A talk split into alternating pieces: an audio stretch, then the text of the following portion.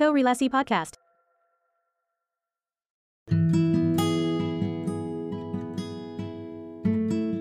Halo, kita ketemu lagi di Korelasi, satu obrolan podcast yang ngobrolin arsitektur dalam kaitannya dengan berbagai aspek dalam kehidupan. Kali ini kita kedatangan satu bintang tamu atau teman ngobrol gitu ya, yang akan ngobrolin topik seputar arsitektur dan entrepreneurship atau kewirausahaan gitu ya. Kita bakal ngobrol sama Mas Jo atau yang dikenal dengan nama Mas Yanuar Pratama Firdaus dari Aksen Architecture, Aksen Responsible Architecture gitu ya. Ada ada responsible ini nanti kita juga bakal obrolin juga. Halo Mas Jo. Halo, Mas Redi. Apa kabar Mas Jo? Sehat, Alhamdulillah. Sehat ya? Itu Lagi di Bali nih ya kayaknya ya. Ya tugas. Tugas ya, dinas ya. Oke, eh, Mas Jo, kan eh, kita bakal ngobrol ngobrolin topik seputar entrepreneurship. Mungkin kaitannya karena aksen ini nggak cuma bicara arsitektur doang gitu ya. Ada kaitannya juga dengan eh, pola bisnis gitu. Ada eh, hubungannya juga dengan company, eh, manajerial dan seterusnya. Apalagi kaitannya eh, Mas Jo juga nggak salah kan sekolahnya juga eh, nggak cuma arsitektur gitu. Ada ada pelengkapnya sekolah bisnisnya juga. Nah, sebelum ngobrol lebih jauh tentang aksen, tentang entrepreneurship secara lebih detail, kita pengen tahu nih uh, perjalanan ceritanya Mas Jo itu uh, keminatan ke bidang desain atau bidang arsitektur itu sebenarnya dari mana sih? Itu sudah cita-cita atau yang nggak sengaja kecemplung gitu? Nah, kalau pertama kali mungkin gue cerita minggu lalu kan sebenarnya gue bareng sama Pak Bas, Mas Aang, Pak Kevin, Oke. eh, Pak Apep Hmm. ngomongin tentang kritik arsitektur. Nah, Hmm. gue tuh mengkritik diri sendiri bahwa gue tuh banyak gagalnya di karir gitu. Jadi Hmm. bukan hanya kritik karya tapi kritik gue sendiri gitu kan. gue banyak sekali gagal dalam bisnis. Mungkin sebelum 30 tahun gue gagal ya lima kali bisnis gitu ya.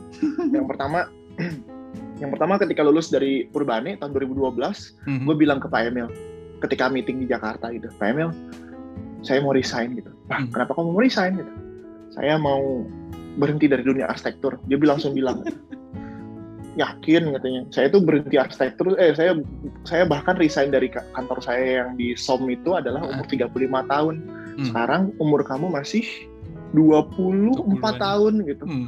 itu mentah banget gitu Hmm. secara pengalaman secara apa terus gue Hmm. bilang gue udah bulat sih di bidang arsitektur gue pengen berhenti gitu ya kalau dari agama gue murtad nih dari arsitektur gitu selama lima tahun ngerjain apa creative agency namanya house Hmm. the house Ah. Hmm, regenerasi ruang publik walaupun itu arsitektur tapi tidak fisik gitu ya Hmm. gue selalu mengkritik kota gitu tentang eh, tapi ada solusinya gitu gue mengkritik Bandung tentang dengan dengan tanpa ruang publik gitu makanya bikin ruang publik temporer terus gue mengkritik kota dengan tidak ada transportasi yang efektif gue Hmm. bikin transportasi alternatif gitu Hmm. tapi semuanya gagal Hmm.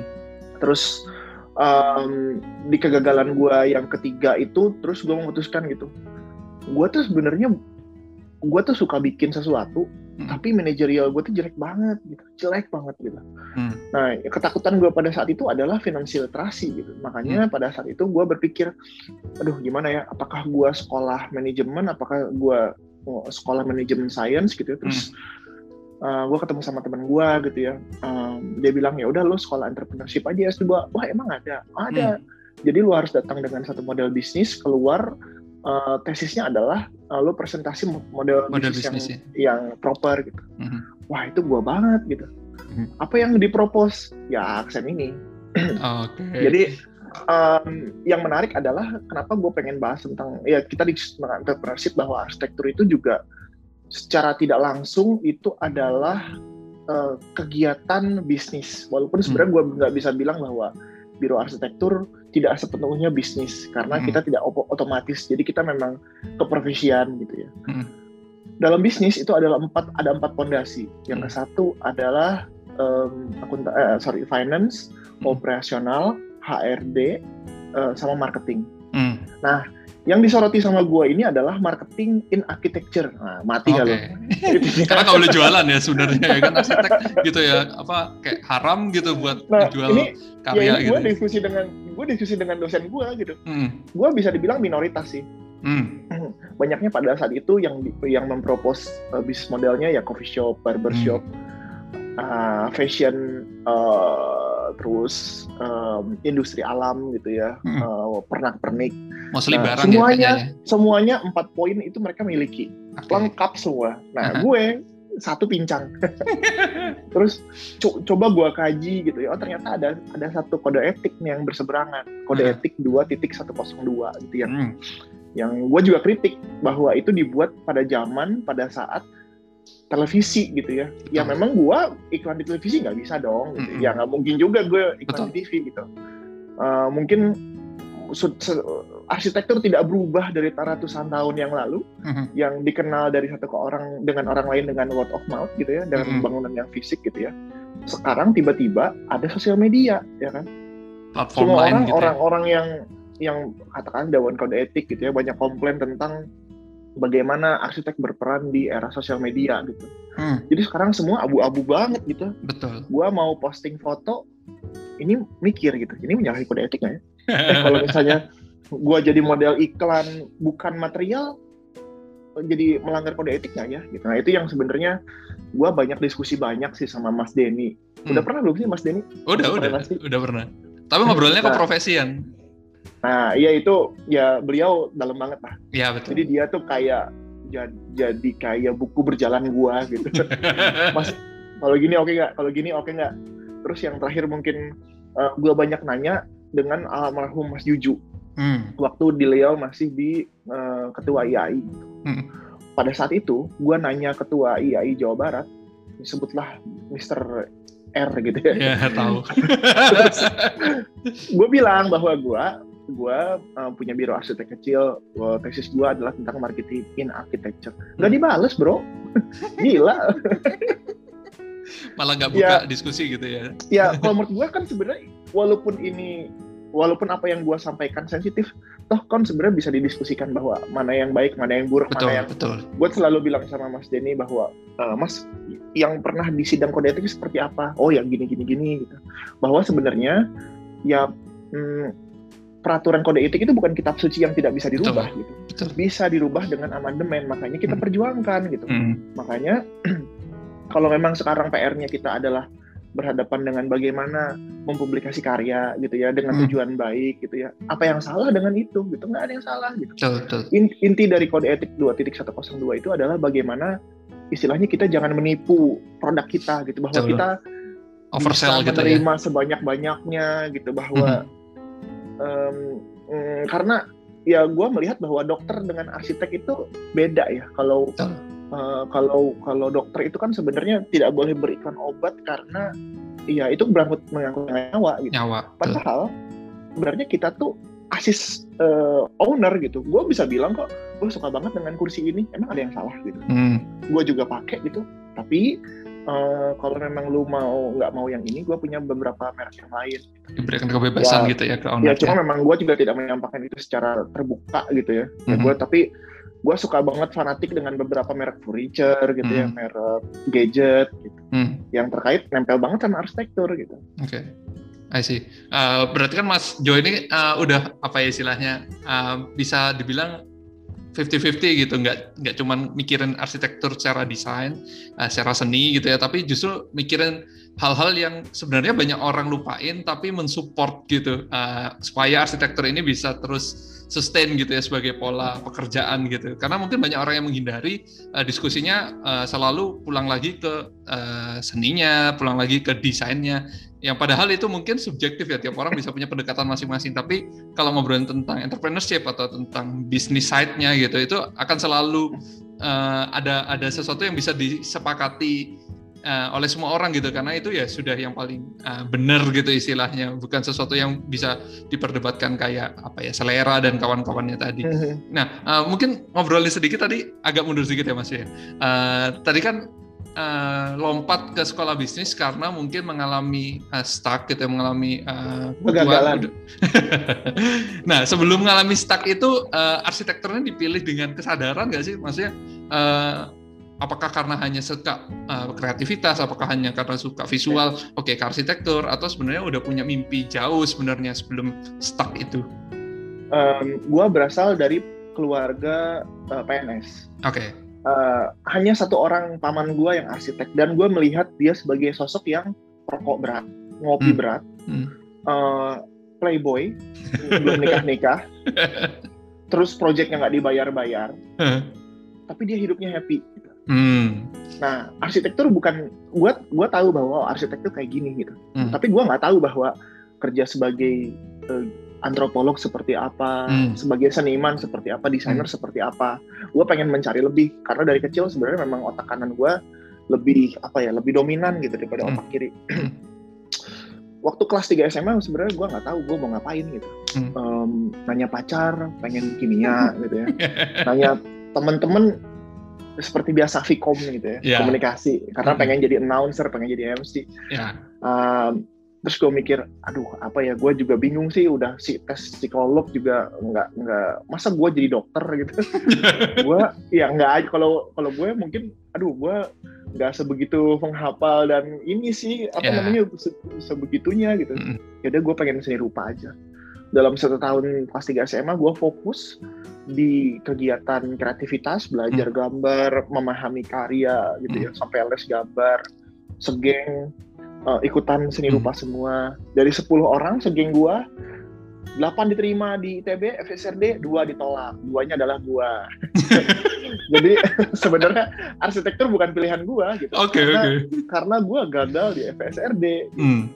Nah, tapi sebenarnya ya Tuhan tuh kan selalu memberikan sesuatu yang apa ya ya mungkin nggak kali inilah gitu. Uh, nah sekarang gue dengan 8 orang itu gue malah bikin instalasi karya bareng gitu ya hmm. seninya bareng arsitekturnya gue bayangin mungkin kalau misalnya gue seniman juga gue bersaing dengan temen gue yang udah Betul. keren banget gitu yang uh. udah gila gitu. Mungkin gue masih gini-gini aja sebagai seniman uh. pada saat itu gitu. Dan ya pada saat itu sebenarnya gue kesel sih. Uh, selama selama satu tahun gue merasa skill gue cukup gitu ya. Hmm uh, skill gambar, knowledge gue sebagai calon desainer cukup, tapi ternyata gue ditolak. Hmm. Tahun kedua gue pengen coba lagi, tapi lebih ke balas dendam gitu loh. Kalau gue diterima, gue tinggalin. Tapi gue mikir lagi, kalau yang terjadi gue tinggalin, pasti ada satu orang yang kehilangan cita-cita seperti gue. Kesempatannya itu, di, gitu. dirampas gitu istilahnya. Makanya pada saat itu gue langsung tekad, udah gue harus jadi arsitek. Gitu. Hmm. Udah gue, ya apa pun yang terjadi, gue nanti mau jadi apa pun itu gue harus dari situ dulu kuliah gue. Hmm. Karena karena ini tidak ter, tidak karena tidak jalur gua uh, di sebenarnya kan gua bukan berasal dari keluarga yang mampu-mampu banget gitu hmm. yang biasa aja bokap yeah. gua PNS hmm. nah, nyokap gua ibu rumah tangga hmm. gua harus dari kampus negeri gitu hmm. supaya meringankan dan ya. pada saat itu arsitektur hmm. uh, uh, apa namanya arsitektur Bandung uh, negeri hanya ITB hmm. um, dan karena gua sangat pede banget um, karena gue sangat pede banget tes seni rupa masuk gue nggak ikutan arsitektur ITB oh, oke. Okay. jadi gue masuk ke Unpar ya? arsitektur Unpar yang ah. mahal banget. Pada saat itu sampai sekarang mahal banget. Yeah, yeah. dan gue merasa berdosa. Kenapa, kenapa?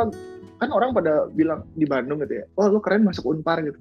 Gue bilang enggak gitu. Karena gue tuh nggak pengen nggak pengen masuk Unpar gitu. Dan gue masuk di gelombang terakhir banget gitu loh yang susah gitu. Tapi ya udah gitu. Gue gue syukuri aja lah apa yang terjadi gitu. Sekarang ya mungkin ini jalannya gue gitu walaupun belum mulus-mulus banget. Oh, oke. Okay. uh, eh, tadi kan berarti kuliah tuh sekitar periode 2005 sampai 9 gitu ya. Terus ya, uh, kalau di catatan ini uh, di ke urban itu langsung 2009 sampai 2012 ya kalau nggak salah ya. Iya karena ah. 2007 2008 gue jadi volunteernya di urban community. Ah itu kan berarti ada ketertarikan tuh uh, ke hal-hal terkait kota, terkait urban uh, juga hmm. dari CV yang Mas Jo kasih banyak apa ya banyak ngulik di kompetisi juga yang kaitannya sama urban gitu. Uh, hmm. Kan nggak banyak tuh arsitek ya ada sih sebagian besar mungkin yang uh, diajari tentang ruang kota, fenomena kota, uh, culture kota dan seterusnya. Tapi ya banyak juga yang akhirnya enggak gitu ya pedulinya ke building sendiri gitu, uh, nguliknya tentang building sendiri. Nah, uh, mengamati sesuatu yang kaitannya sama skala yang lebih besar ini, uh, yang kemudian membawa Mas uh, Joe ke urbani sendiri, itu muncul dari mana sih? Karena kan nggak uh, apa ya, ini pilihan gitu mungkin kayak mahasiswa gitu dibandingkan ikut komunitas mending aku main misalkan gitu. Berarti kan udah ada kayak semacam kesadaran untuk uh, ada keminatan nih ke hal-hal terkait kota terkait uh, fenomena uh, urban kayak gitu gitu ya sebenarnya benang merahnya kalau dilihat gitu ya mm-hmm. gue tuh suka sesuatu yang impactnya langsung. Um, pada saat 2006 2007 gue bareng sama teman-teman di Astik Unpar hmm. salah satunya Artiandi Office oh, okay. Mia Habir hmm. uh, Surip Leonard uh, Tulus hmm. um, bikin free max namanya Orders hmm.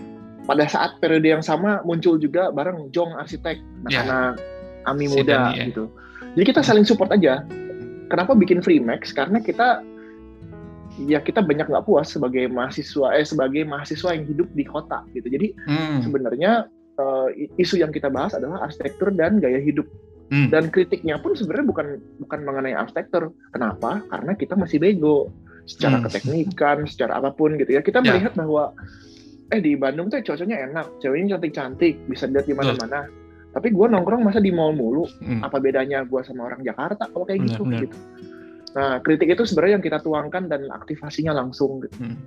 Terus uh, pas uh, bikin orders, gue ketemu sama ketua IAI nasional pada saat itu, gue ketemu dengan sesama pegiat kota, Pak Ridwan hmm. Kamil. Pada saat itu gue nggak tahu bahwa dia milik gue, dia punya satu kantor namanya Urbane, ya, banyak ngobrol, gue jadi volunteer, banyak banyak bantuin programnya dia hmm. uh, untuk kota gitu ya. Ya bisa dibilang pada saat itu gue melakukan dua peran yang berbeda sih waktu hmm. di Urbane gitu urbanis dan urban designer gitu hmm. perancang dan pelaku hmm. jadi um, salah satu uh, bisnis model yang sesudahnya gue bikin cabut dari Urbane dan bikin itu sebenarnya sebagai praktisi yang mencoba bikin tempat-tempat yang temporer untuk menyadarkan orang bahwa sebenarnya masuk Bandung tuh bisa lebih lagi loh gitu yeah, bisa yeah. lebih enak gitu Betul. lebih wah lebih proper banget gitu dengan cuacanya dengan uh, dengan geografinya, dengan segala potensinya, dengan orang-orangnya. Mm-hmm. Uh, sayang aja kalau nggak diiniin gitu. Makanya waktu itu gue bikin sepeda, gue bikin kantor yang uh, kreatif, uh, isinya Bandung orang kreatif semua gitu, ya? yang yang isinya orang-orang FSRD semua gitu. Ah. Jadi gue bikin kantor dengan teman-teman FSRD gitu bukan dengan teman-teman arsitek. Ini menarik banget karena uh, eh, gue pribadi pas ke Bandung itu 2012 untuk sekolah di hmm. ITB. Itu pas Pak Emil udah mau maju jadi wali kota. Nah itu kan sebenarnya isunya Pak Emil ini udah sering bolak-balik ke mana-mana gitu ya, sharing tentang perhatian beliau tentang kota, uh, kota yang bahagia itu seperti apa gitu ya. Terus banyak uh, apa istilahnya upaya-upaya termasuk yang tadi uh, Mas Jo cerita gitu ya, Bandung Creative City Forum, terus kemudian Baik Bandung yang persewaan sepeda dan kawan-kawannya. Uh, hmm. Dari upaya mengcreate sesuatu itu kan sebenarnya udah muncul benih-benih entrepreneurship sebenarnya ya. Uh, melihat uh, sebuah upaya untuk uh, menuju kondisi yang lebih baik gitu istilahnya dengan dengan mindset kreatif. Nah um, kalau agak pulang sedikit ke cerita yang tadi kan berarti sudah pada tempat yang cukup nyaman gitu ya. Dapat medium yang pas terus kemudian berkarir di urbane yang proyek-proyeknya juga bisa intervensi ke ruang kota yang cukup banyak juga gitu Uh, kemudian uh, kenapa stuck gitu? Kenapa uh, memilih oke okay deh stop gitu? Padahal mungkin banyak orang yang di di puncak-puncak itu ya udah keluar rilis uh, biro konsultan sendiri gitu karena mungkin sudah punya uh, ini itu gitu ya udah belajar tentang uh, manajerial mungkin finansial secara tidak langsung ya dari kantor yang tempatnya beraktivitas gitu. Nah, apa yang membuat kemudian tadi ya muncul statement stop dari arsitektur deh di 2012 itu? uh, jadi ya pada saat itu pemikiran gue ya salah sih gitu gue terlalu uh, terlalu apa ya gue kalau gue ngomong dengan gue 10 tahun yang lalu gitu lu kenapa egois sih lu dengerin deh kata Pak Emil gitu lu sotoy banget sih gitu um, pada saat itu sebenarnya gue punya banyak kegiatan di luar hmm. Yang gue takutkan adalah ganggu uh, prioritas kantor oh, jadi jadi gue sudah jalan uh, biro biro kecil biro kecil gua walaupun masih embrio terus yang kedua yang juga host, host gua ada ya? uh, ada back hmm. sharing juga yang gua sudah jalankan dan itu hmm. komitmennya maksimal gitu yeah. udah MOU dengan beberapa pihak gitu gua hmm. gua takutnya sebenarnya dengan gua masih full time di kantor Pak Emil ya hmm. gua mencerda, mencederai kontrak dengan beberapa orang dan oh. ya gua maksimal di sana lah gitu hmm. um, yang gua dapat ternyata uh, sekarang adalah impactnya networking sih hmm. gue kenal dengan beberapa orang gitu gue gue banyak salah jadi banyak belajar banyak pengalaman gitu ya dan uh, gue jadi banyak ketemu mentor-mentor yang keren gitu jadi kalau misalnya gue bete itu mau curhat nah tempat gue curhatnya banyak gitu. Karena saking seringnya gagal. I see. Uh, kan periodenya kalau dari timeline nih ya, uh, 12 kan keluar dari Urbane gitu. Terus uh, fokus tadi ya ke hal-hal uh, di luar Urbane ya sebenarnya udah sempat diseriusin juga. Uh, tapi kemudian bersekolah MBA itu kan 2016, terus ya. aksen terbentuk 2018. Berarti ada jeda dong ya dari 2012 sampai 16 itu. Itu aktivitasnya seperti apa? Apakah kemudian uh, setengah-setengah gitu menjalankan arsitektur, tapi ya uh, uh, ada kepikiran untuk hal-hal yang lain atau seperti apa? Um, um, gua tuh dari 2009 sampai 2014, hmm. gue teh lulusan arsitektur tapi belum pernah menciptakan apa pun gitu. Ah, oke. Okay. Um, terus setelah gue nikah, gitu ya, hmm. gue nikah kecil-kecilan aja. Terus gue bilang, um, gue ada gua, gua ada uang sedikit untuk merenov.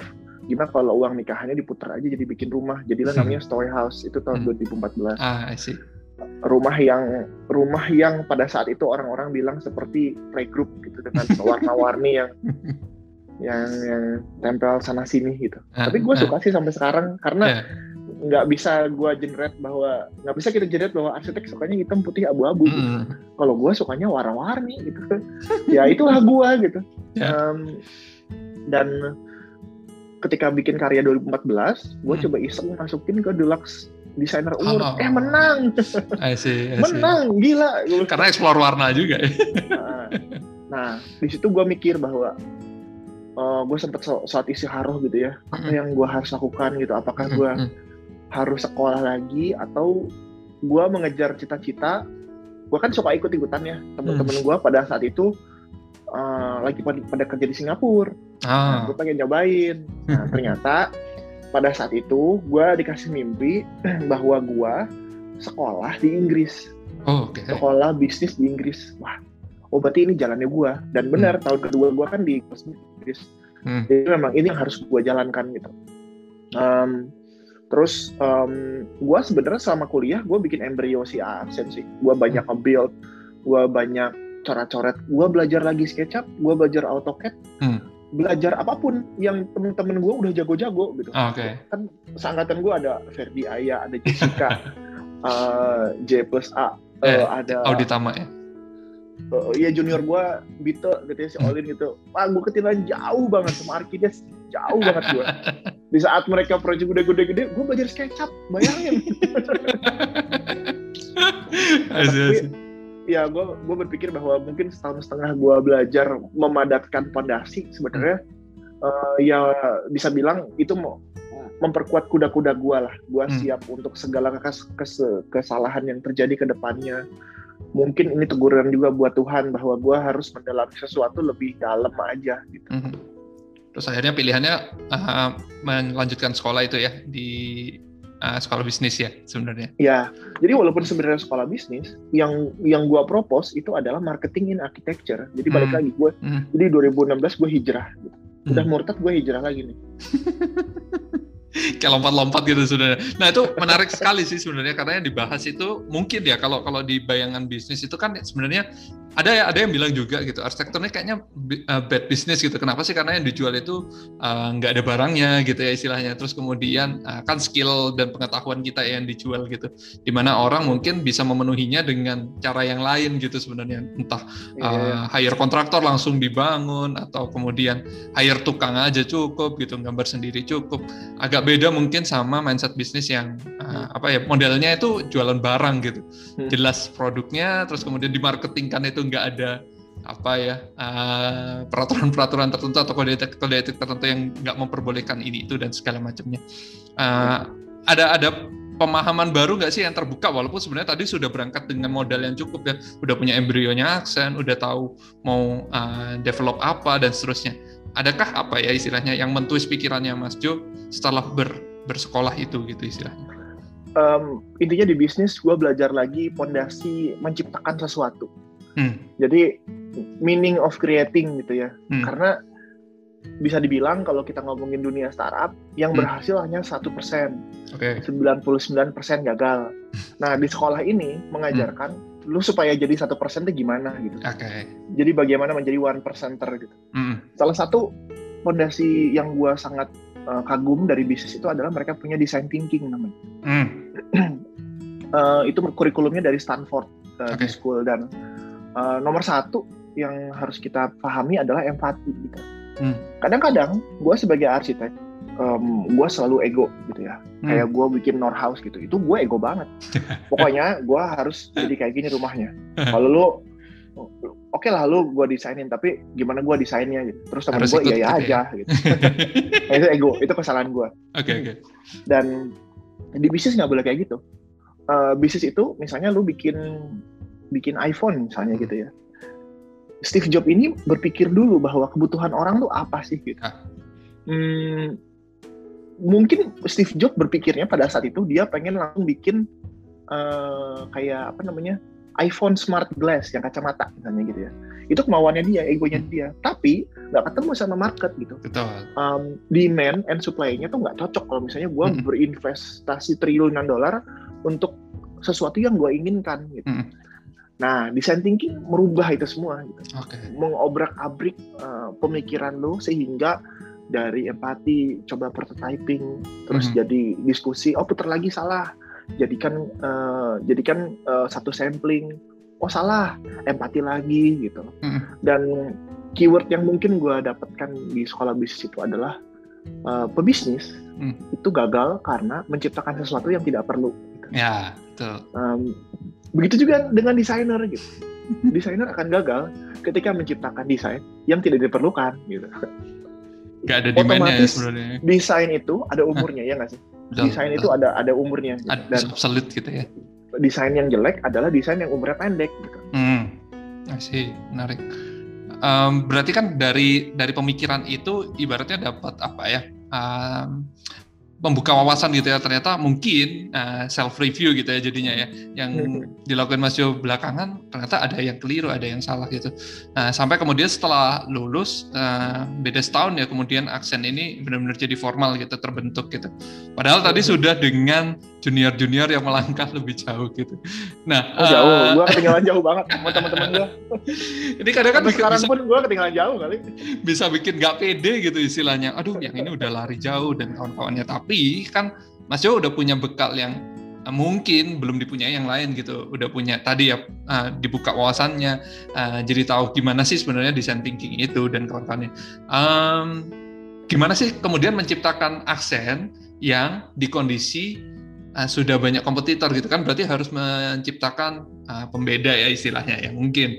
Uh, apa sih yang kemudian divisikan lewat aksen ini atau filosofinya aksen saat terbentuk ini? Apakah hanya sekedar biro yang sama dengan biro-biro lainnya atau ada value lebih setelah belajar bisnis itu tadi ya yang diperjuangkan lewat aksen?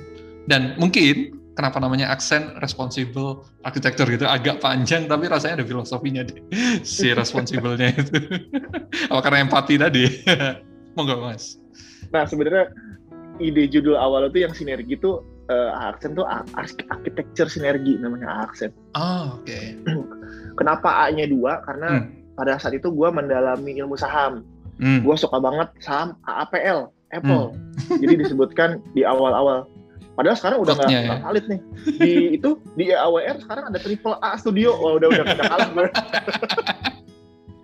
Tapi yeah, yeah, yeah. sebenarnya gue pengen bukan pengen seperti itu ya. Cuma hmm. ini prestasi nih waktu itu gue menanggut design award hmm. di Jepang. Yeah. Itu kan sedunia tuh. Hmm. Aksen hmm. nomor satu sedunia. Hmm. Gampang carinya. Dari ribuan yang menang itu paling paling kiri atas tuh. Nah, itu aksen. Udah berhasil di level internasional aja. Kalau hmm. Indonesia eh, salah gitu.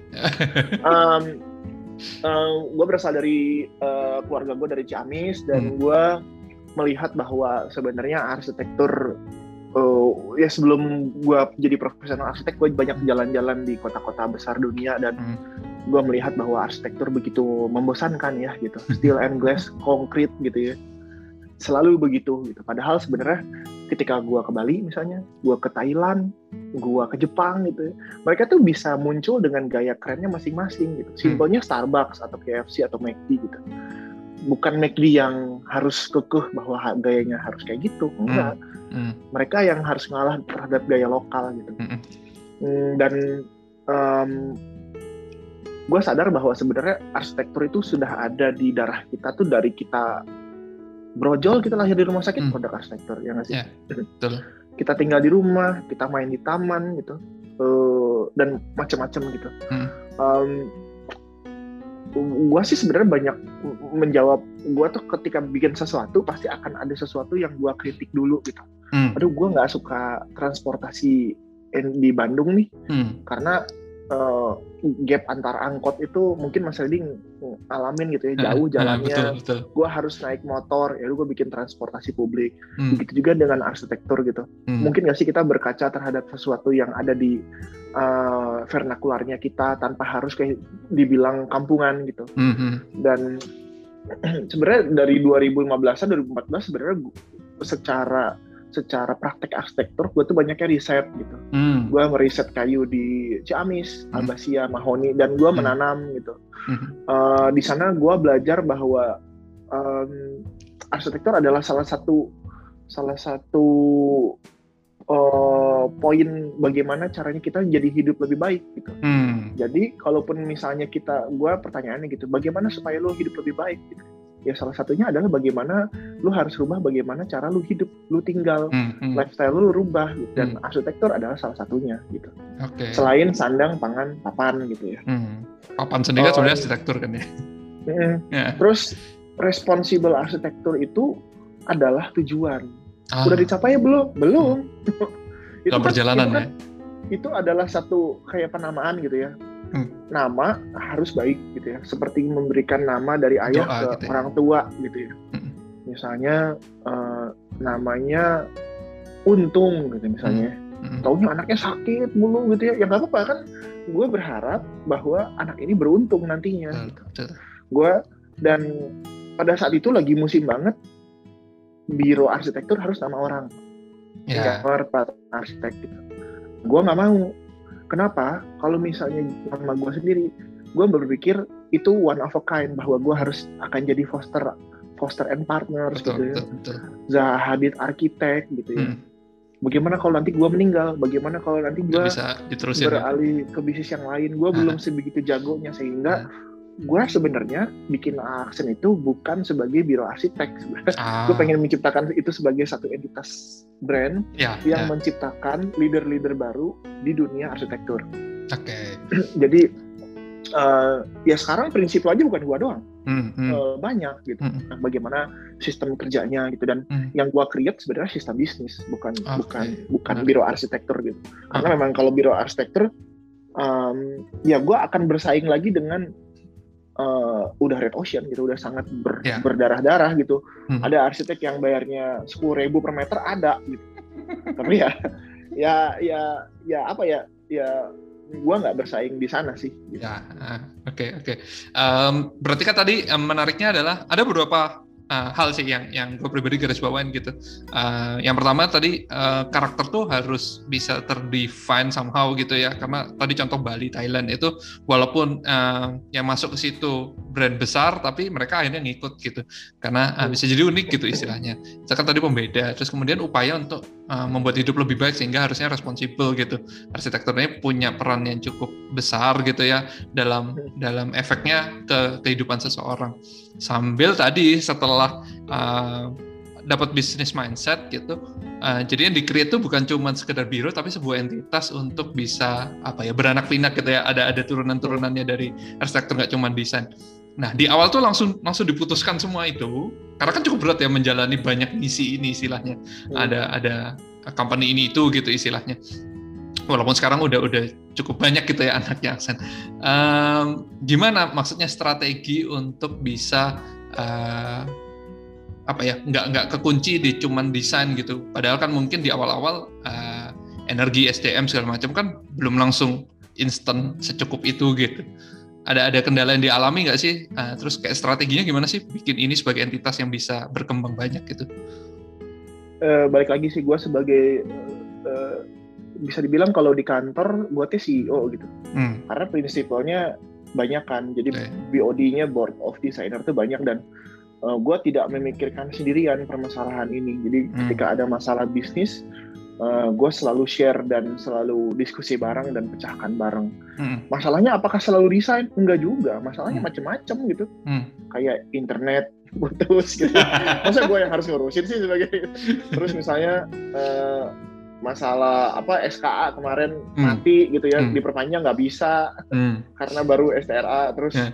itu kan masalah bisnis gitu wah hmm. susah banget gitu hmm. uh, ngurusin segala hal yang gua nggak ini dan hmm. ya gimana caranya tadi lu bilang bahwa uh, bikin suatu perusahaan yang nggak selalu ngomongin uh, selalu desain gitu ya hmm.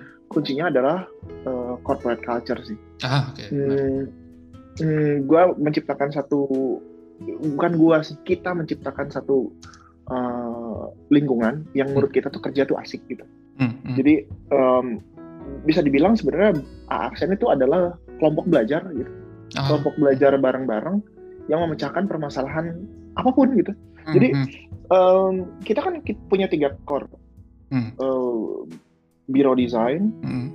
research, hmm. sama edukasi gitu ya. Hmm. Seperti yang lo lakukan ini hmm. adalah edukasi dan lu juga dosen gitu ya. Hmm. Um, uh, researchnya pasti lu ada, hmm. video desainnya ada. Nah itu yang kita jalanin tiga bareng. Jadi satu orang itu di, di, di kantor itu pasti punya tiga tiga poin itu di, ah. di aksen talks ngerjain apa, hmm. di end ngerjain apa, di aksen ngerjain apa gitu. Okay. Dan dijamin uh, mereka punya punya satu sense of belonging yang sangat besar gitu karena hmm, hmm. gua dihargai bukan hanya sebagai junior arsitek bukan hanya sebagai drafter gitu ya gua didengarkan gua memecahkan permasalahan yang ada di lingkungan terdekat gua gitu hmm. ya lo harus ngerti bahwa sekarang milenial itu tidak hanya bisa dibayar dengan katakanlah gaji gitu. Betul. Mereka juga butuh konsumsi konten, apresiasi gitu, gitu ya.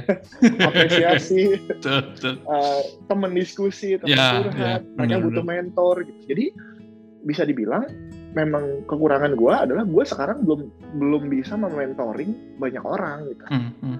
Kita masih tim di bawah 10 orang dan itu yang sebenarnya gue keep sebagai inner circle gue gitu. Hmm, ini yang gue hmm. jaga banget karena nantinya ini drafter lu bisa lu bisa naik level nih jadi uh, jadi sesuatu gitu bukan hanya selalu mentok di uh, juru gambar aja gitu. Begitu juga dengan junior arsitek, begitu juga dengan senior arsitek. Gitu. Berarti kan kesempatannya dibuka gitu ya Mas Jo ya. Nggak nggak dikunci ke pola-pola yang sudah lazim gitu ya.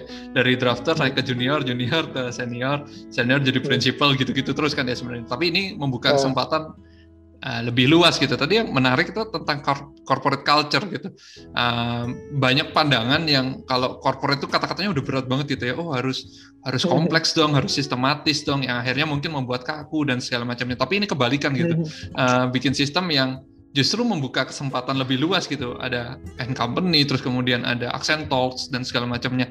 Um, gimana sih maksudnya? Apakah ini pasti nggak bisa dimulai sendiri ya kalau kalau misinya seluas itu gitu perlu perlu hmm. tim gitu istilahnya um, hmm. terus kemudian fokus itu rasanya nggak gampang ya ngerjain satu hal aja perlu fokus yang lumayan gitu apalagi dipecah dan tanda kutip ke berbagai macam kemungkinan tadi uh, ada in charge di accent talks untuk apa in charge di sini untuk apa dan seterusnya itu Uh, gimana sih boleh cerita nggak? Itu prosesnya gimana? Uh, pada pada awalnya memang tidak terbentuk langsung tiga tiganya gitu. Hmm. Uh, dari dari hari pertama sebenarnya ya kita mencoba mm, memecahkan di, di masalah uh, biro arsitektur dulu gitu karena memang kita bergerak dengan uh, bergerak dengan project gitu balik hmm. lagi karena memang kita adalah biro komersial yang yeah. profesional bekerja untuk membesarkan perusahaan ini gitu jadi okay. uh, bisa dibilang um, itu bedanya non bisnis dan bisnis gitu. Hmm. Gue berpikir bahwa yang sekarang gue akan kerjakan itu adalah bisnis. Hmm. Uh, apa apa ininya? Apa namanya? Apa katalisnya? Hmm. Yaitu adalah growth gitu. Okay. Gue pengen bahwa perusahaan gue harus punya impact dan harus berkembang. Jadi kita kita kita sebenarnya bikin perusahaan nggak sebenarnya kita bikin grup-grup kompak supaya orang-orang yang memang punya interest di bidang-bidang masing-masing itu punya punya wadahnya gitu. Punya mediumnya ya. Kayak mm-hmm. kayak waktu kita kuliah lu kuliah di arsitektur ITB ya. Mm. Kan ada ada sub studi uh, heritage misalnya. Mm-hmm. Uh, sub bidang studi urban gitu. Nah, sama mm. kita juga sama gitu. Karena balik lagi suatu saat kita harus menciptakan satu ya kita ya kita belajar dari bagaimana bisnis bikin SOP.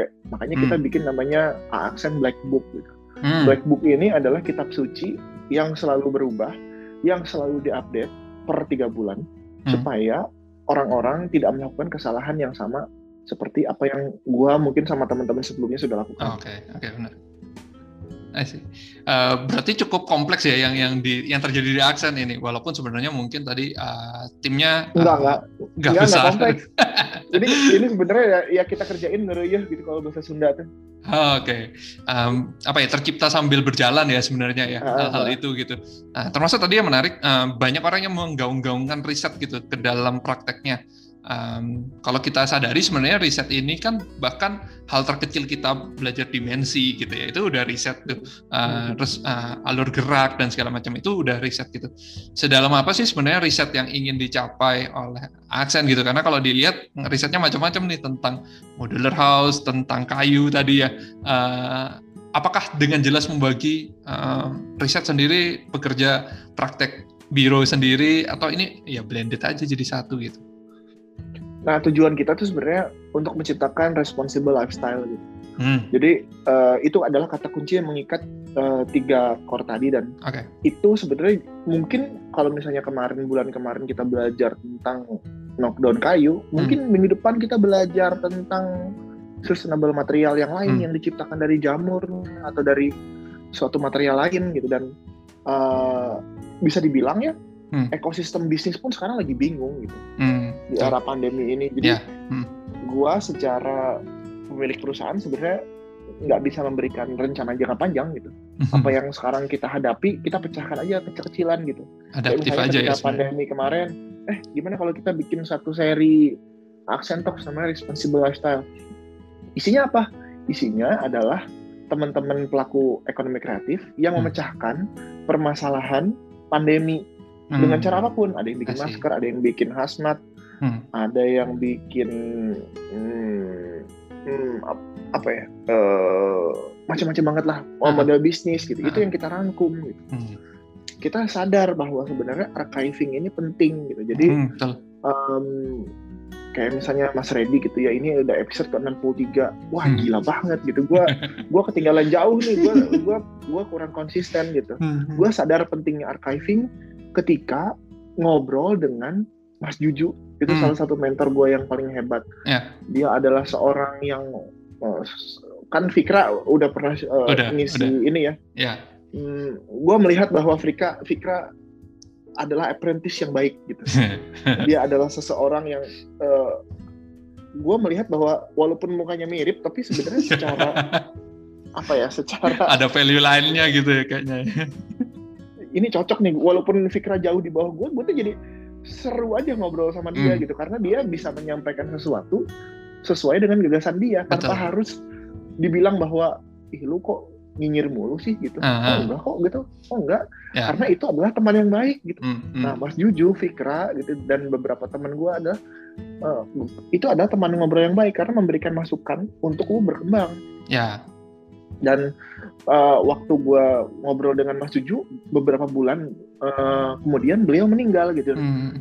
wah gila nih ini gue terakhir ngobrol dengan Mas Juju dan uh, apa ya Fikra juga lagi nge-share bahwa oh iya ternyata buka gue belum pernah ngomongin ini di mana pun gitu terus gue jadi memperdalam gitu ya hmm. apa sih yang sebenarnya yang Mas Juju maksud di sini hmm. gitu dan uh, podcast gue sendiri gitu ya hmm. gue suka dengerin kok gitu gue jadi belajar lagi bagaimana cara gue menyampaikan oh gue kurang di dalam menyampaikan ini gue kurang di Betul. sini gitu jadi ya sebenarnya gue makin suka ketika makin banyak uh, podcast arsitektur gitu seru hmm. banget gitu hmm, hmm. Betul, um, betul.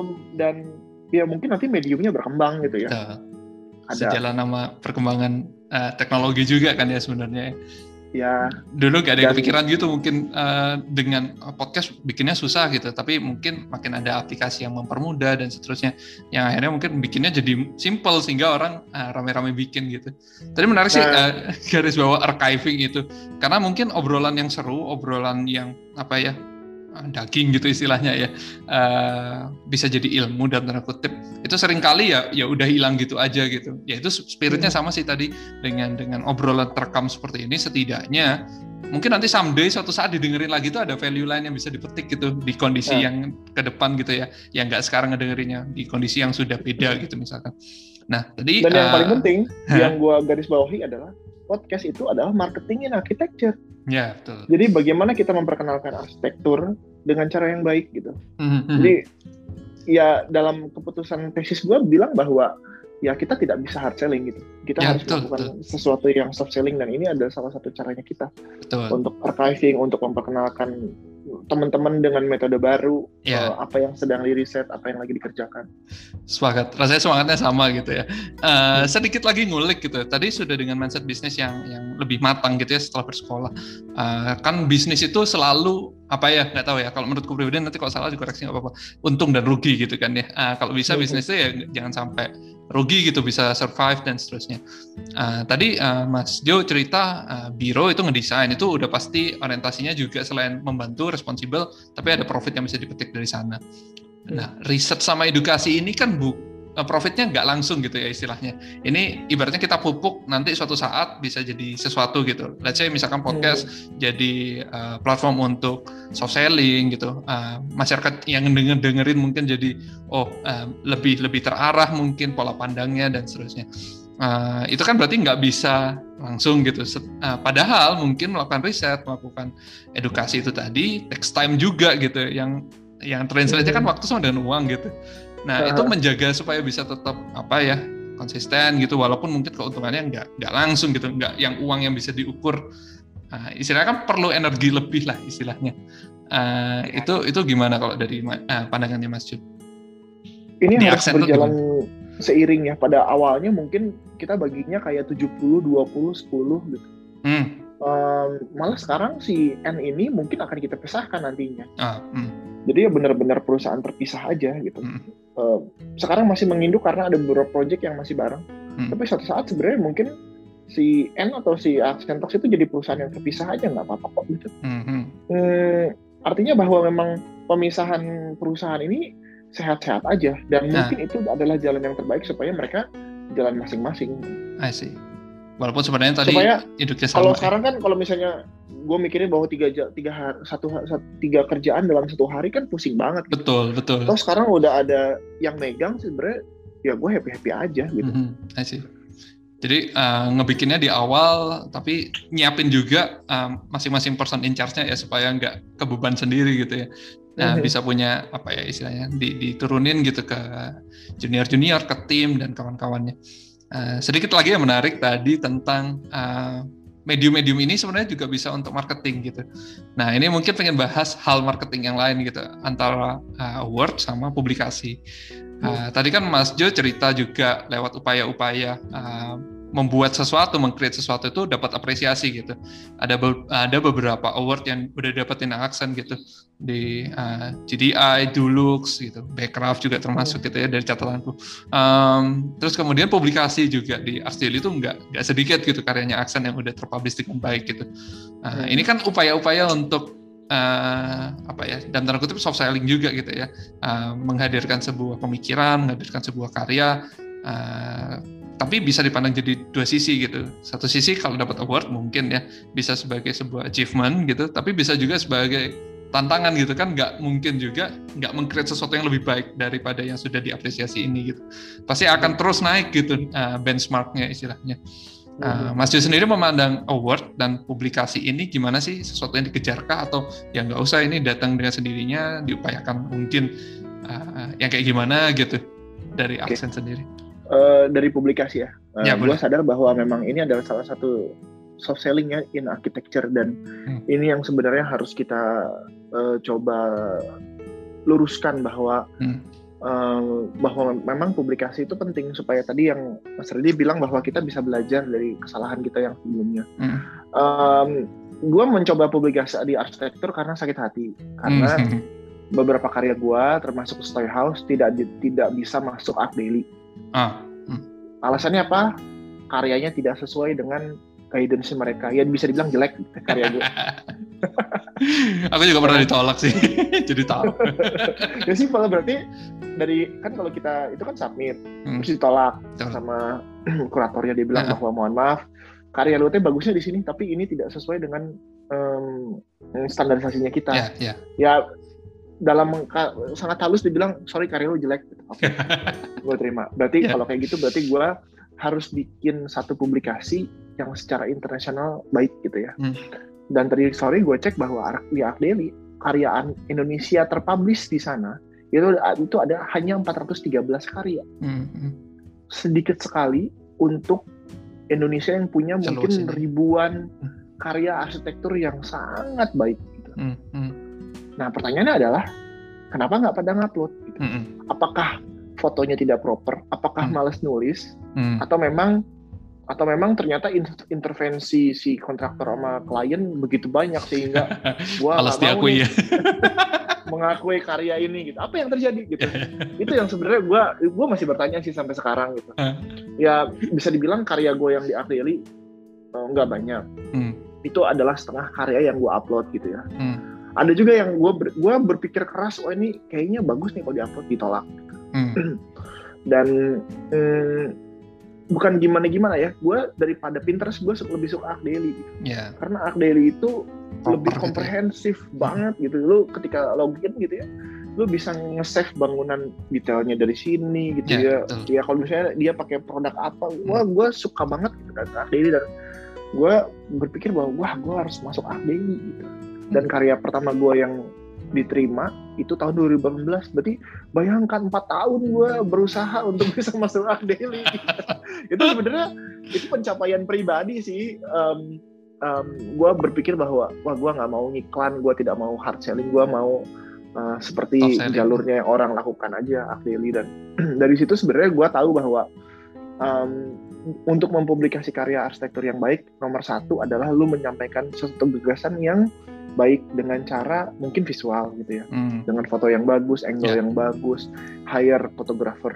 profesional lu bikin narasi yang bagus Hmm. Hmm, kalau perlu bikinin video gitu ya gue sampai detail bikin video bikin bagan yang baik sampai ya mungkin orang dengan baca satu menit udah tahu bahwa oh gagasannya bangunan itu Hmm. kayak gini Hmm. nah karena gue punya punya punya tools yang bagus tulisan foto ya gue mudah dong submit ke mana-mana ya nggak sih Hmm, misalnya yang si Norhouse ini udah udah lolos Arc Daily ya nggak sih yeah. ini standarnya foto dan tulisannya udah standar dunia gitu betul, betul. nah gue coba submit ke Good Design Indonesia Ah, um, di situ jurinya adalah Mas Yori gitu Hmm. nah Mas Yori ngasih banyak masukan gitu ini apa ya dia bilang dia gue banyak menemukan bangunan ini di seluruh dunia gitu. Hmm. kenapa lu nggak mau memasukkan elemen lokal gitu terus kenapa nggak pakai atapnya metal nah artinya bahwa lu ada kesempatan dapat mentor ya nggak sih Ya, betul. dari satu dari satu pintu yang gua buka Hmm, publikasi gitu Menarik. terus ternyata gua menang eh, Good Design Award pertama Indonesia kategori arsitektur gitu. Hmm, hmm, di Jepang gua ketemu mentor yang lebih eh, lebih internasional Hmm, dari hmm. Sumitomo gitu gua mengagumi satu karya arsitektur prefabrikasi yaitu Mujihat Hmm. Eh, terus pas gua ke sana gua diajak ternyata dia arsiteknya gitu hmm, wah gue jadi wah gue jadi belajar banyak banget gitu banget ya. Eh, dan gue baru tahu ternyata materialnya mostly Indonesia gitu Hmm. gue sebagai orang Indonesia sedih gitu gue masih pakai masih masih aja gitu-gitu aja. Orang Jepang udah sangat maju dengan material yang kita punya gitu. Hmm, hmm. nah di situlah gue tersentil bahwa oh, gue harus mulai riset nih. Gimana caranya gue uh, bikin sesuatu yang ideal menurut gue gitu. Ada nggak Hmm. kliennya? Nggak ada. Ya bikin aja bangunan sendiri. Itu kenapa jadi kantornya eh, aksen ya? Yang Ya, modular nah, pots. itu itu itu berangkat dari pemikiran modul ya sebenarnya. Ya, karena ya simpel gitu. Nggak ada yang percaya sama karya gue ya mesti dibuktiin Tapi- dulu karena kita punya Ah, keyakinan tapi kan ya. dari situ banyak jadi bobo box gitu ya Hmm, eh, jadi ditawarin beberapa project villa yang prefab macam-macam lah gitu hmm. terbuka karena ya um, ya ya. deh kita kita berani coba nih kita investasi uh, uh, tentang bangunan ini dan menurut gua finding yang gua dapat itu adalah yang menarik itu ya tentang bangunan prefabrikasi itu adalah building dan unbuilding nah ini menarik Hmm. buat gue Hmm. karena kita selalu berpikir membangun Ah, betul. betul.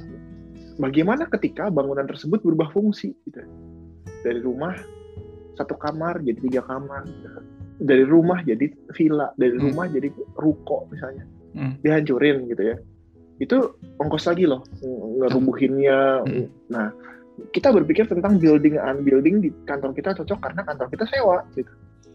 Uh, ketika nanti kontrak kita habis ya udah tinggal pindahin aja. Ya, benar. Toh umur bangunannya kan jadi lebih panjang gitu. Gue belajar dari mana? Satu dari uh, Sumitomo, terus yang kedua adalah ini rumah joglo. Hmm. Rumah joglo mungkin knockdown bisa ya kalau lu main ke Bandung gitu ya ada satu warung bakso namanya warung rela gitu hmm. itu joglonya bagus banget dan dia kolektor joglo gitu hmm. Tempat usahanya mungkin baru 10 tahun tapi joglonya sudah ratusan tahun mungkin sudah berubah fungsi puluhan kali gitu menarik, menarik. ada yang pernah mungkin jadi masjid ada yang jadi kesultanan mungkin dulunya gitu hmm. ya gue menarik karena ya itu tadi building unbuilding gitu hmm. sehingga umur umur bangunannya bisa jadi sangat banyak karena fungsinya fleksibel dan timeless secara ini gitu. Lu nggak akan bisa dibilang, ih lu norak banget sih karena pakai joglo. Wah nggak nggak pernah tercipta sih di otak gue yang uh, kayak gitu gitu. Kalaupun ya, memang gue dikatain gitu, ya udah bodo amat gitu. karena Berarti, dia selalu eh. mengomentari tentang estetika gitu. Iya betul. Padahal ada value lebih di balik itu ya. Bagus jelek. Padahal sebenarnya kan Vitruvius Virmitas, Venustas, Utilitas gitu. Betul. Mereka selalu ngomentarin tentang Venustas ya. Yang terjadi di sosial media, komentar tuh selalu tentang Venustas gitu. Keren atau enggak gitu ya, bukan hmm, Padahal sebenarnya dibalik dibalik fungsi joglo, wah itu tuh luar filosofinya biasa. luar biasa dalam walaupun gue bukan orang Jawa Tengah gitu. Hmm. Luar biasa gue. Luar biasa banget. Oke, okay, menarik. Uh, tadi yang di highlight dari uh, award sendiri atau publikasi juga termasuk gitu ya yang banyak orang berpikir eh, ya publikasi supaya dapat klien baru gitu ya. Setidaknya mungkin ada calon klien buka Ars Daily tertarik sama karya kita udah dapat tapi tadi menarik justru bukan dapat uh, klien tapi dapatnya itu mentor gitu yang membuka pintu mm -hmm. tadi yang yang Mas Jo uh, cerita. Itu itu sepakat sih itu rasanya yang terjadi lewat kegiatan kegiatan-kegiatan tambahan lain ya kayak sayembara misalkan. Kita jadi punya kesempatan untuk komunikasi sama juri uh, yang yang kita nggak pernah kebayang sebelumnya kita bisa komunikasi sama beliau. Dan uh, lewat award tadi juga sama gitu. Um, yang menarik tadi adalah big story gitu istilahnya uh, sesuatu yang bisa dinarasikan dengan baik sehingga bisa terpublikasi dengan baik di luar fotografi dan kawan-kawannya ya tapi yang yang menarik buatku pribadi adalah uh, big story ini karena kalau nggak salah si si aksen kan punya tag gitu ya minimal intervention big impact big story gitu uh, hmm. mungkin orang nggak lihat gitu uh, big story atau big impactnya karena tadi hanya melihat venositasnya saja. Uh, itu berarti gimana? Apakah memang dari setiap project itu memang sudah ada value yang diperjuangkan atau sebenarnya ya munculnya karena dinarasikan gitu? Ya. Itu yang mana dulu um, gitu telur sama ayamnya gitu? Gua uh, kita di kantor selalu berpikir bahwa di dalam satu project kita harus memecahkan satu permasalahan. Oke. Okay. Gue belajar dari mana? Dari Kengokuma. Hmm. Kengokuma itu tidak mengharamkan pengulangan dalam satu project. Misalnya hmm uh, waktu gua kebangunan di, di masih waktu masih bisa jalan-jalan ya ke Tokyo lihat ada bata nempel di pasar okay. Hmm, jadi second skin uh, tiga bulan lagi gua ke Shanghai eh sama bentuknya gitu hmm. nah terus gua baca ternyata memang risetnya berkelanjutan seperti design thinking yang gua belajar di bisnis dan bahwa hmm. oh kalau kayak gitu sebenarnya gua tuh bisa bikin bangunan yang berkomponen gitu hmm. um, dan di sana gue jadi belajar bahwa sebenarnya ya desain itu sebenarnya sirkular sih dan um, gue sekarang jadi berpikir bahwa bagaimana mengambil satu satu satu solusi dalam hmm. satu satu satu satu project nggak muluk-muluk gitu. Hmm. Misalnya nih, yang pertama gue pengen masalah pecahkan permasalahan tentang genkan atau ruang penerima. Hmm. Bagaimana um, sekarang ruang penerima ini sudah tidak katakanlah relevan lagi dalam beberapa kasus rumah misalnya tipe 36, tipe 45 oh, rumahnya kecil-kecil banget ada. orang masih maksain banget harus ada ruang, ruang tamu gitu misalnya gitu yeah, kan yeah. itu kan stereotype yang stereotype yang ya dibuat-buat gitu makanya sebenarnya kita coba disadarkan kita bikin kita pecahkan dengan beberapa solusi gitu dan hmm. akhirnya kemarin kita dengan rangkaian solusi yang terkait dengan rumah tinggal kita menciptakan satu produk yang namanya Amular. Amular, hmm. Amular itu adalah rangkuman uh, uh, rangkuman rumus yang kita pecahkan di, dari beberapa proyek rumah tinggal kita. Gitu. Hmm. Jadi kalau misalnya orang ada beberapa orang yang waktu gua kuliah gitu ya kuesioner kenapa nggak mau pakai arsitek jawabannya satu sebenarnya. Oh. Ya ada beberapa gitu satu nggak uh, punya uang padahal sebenarnya pakai arsitek nggak lebih mahal gitu ya. Ya, karena ada penghematan Yang- itu ya. Yang kedua adalah nggak punya waktu karena mereka pengen punya rumah langsung dibangun, Hmm, nggak mikir IMB, nggak mikir apa. Pokoknya gue punya duit langsung bangun besok. gitu. hmm, hmm. Langsung aja siapa yang mau bangun tukang bangunan. Hmm. Em, eh, sama yang ketiga mm, ketakutan terhadap bahwa arsitek itu adalah seniman. Gitu. Hmm. gue datang ke arsitek nanti malah gue jadi digurui ruangnya terlalu ruangnya ya. terlalu puitis sehingga gue nggak bisa bikin jemuran misalnya gitu ya betul, betul. nah tapi itu gue dapat ketika waktu sekolah bisnis gitu jadi gue Hmm. mempertanyakan segala hal dan Jadi em, kritis ya. gitu dan ya gue coba merangkum beberapa kesalahan yang di project gue dan gue rangkum jadi satu satu produk ini. Produk jadi eh, rumah tinggal I see. Berarti segala karya itu kan tadi minimal ada satu masalah gitu ya, yang secara spesifik coba dipecahkan gitu sehingga iya iya. kesulitan istilahnya ya. Untuk kemudian dipublikasikan perlu narasi nih ya bukan sesuatu yang dibuat-buat sebenarnya tinggal tinggal membahasakan yang lebih baik saja. Value yang tadi dikejar gitu atau permasalahan yang berhasil diselesaikan. Berarti kan akan Mhm. melihat sesuatu uh, arsitek ini sebagai pemecahan masalah yang nggak terjebak lagi pada uh, venusitas tadi gitu uh, estetika dan kawan-kawannya. Sehingga tadi yang menarik mungkin ngobrolin beberapa proyeknya Aksen gitu ya Uh, ada Emular tadi um, sebuah project uh, modular house gitu ya kalau boleh diistilahkan yang bisa fleksibel terhadap beberapa fase kehidupan gitu Uh, bisa Hmm. fleksibel gitu istilahnya tadi ceritanya ini lahir dari uh, rangkuman rumus-rumus apa ya istilahnya uh, yang sudah berhasil dipecahkan gitu berarti kan Hmm. tadi akan berkesinambungan ya dari archiving tadi uh, kita bukan selesai satu project itu project yang ditinggal tapi jadi pembelajaran yang terus menerus lama-lama bisa jadi satu pemikiran baru gitu. Itu uh, Hmm. kan tadi banyak hal-hal yang diupayakan itu ibaratnya belum ada kliennya gitu. Berinisiatif sendiri untuk uh, ya udah dibuktiin dulu aja siapa tahu nanti muncul gitu.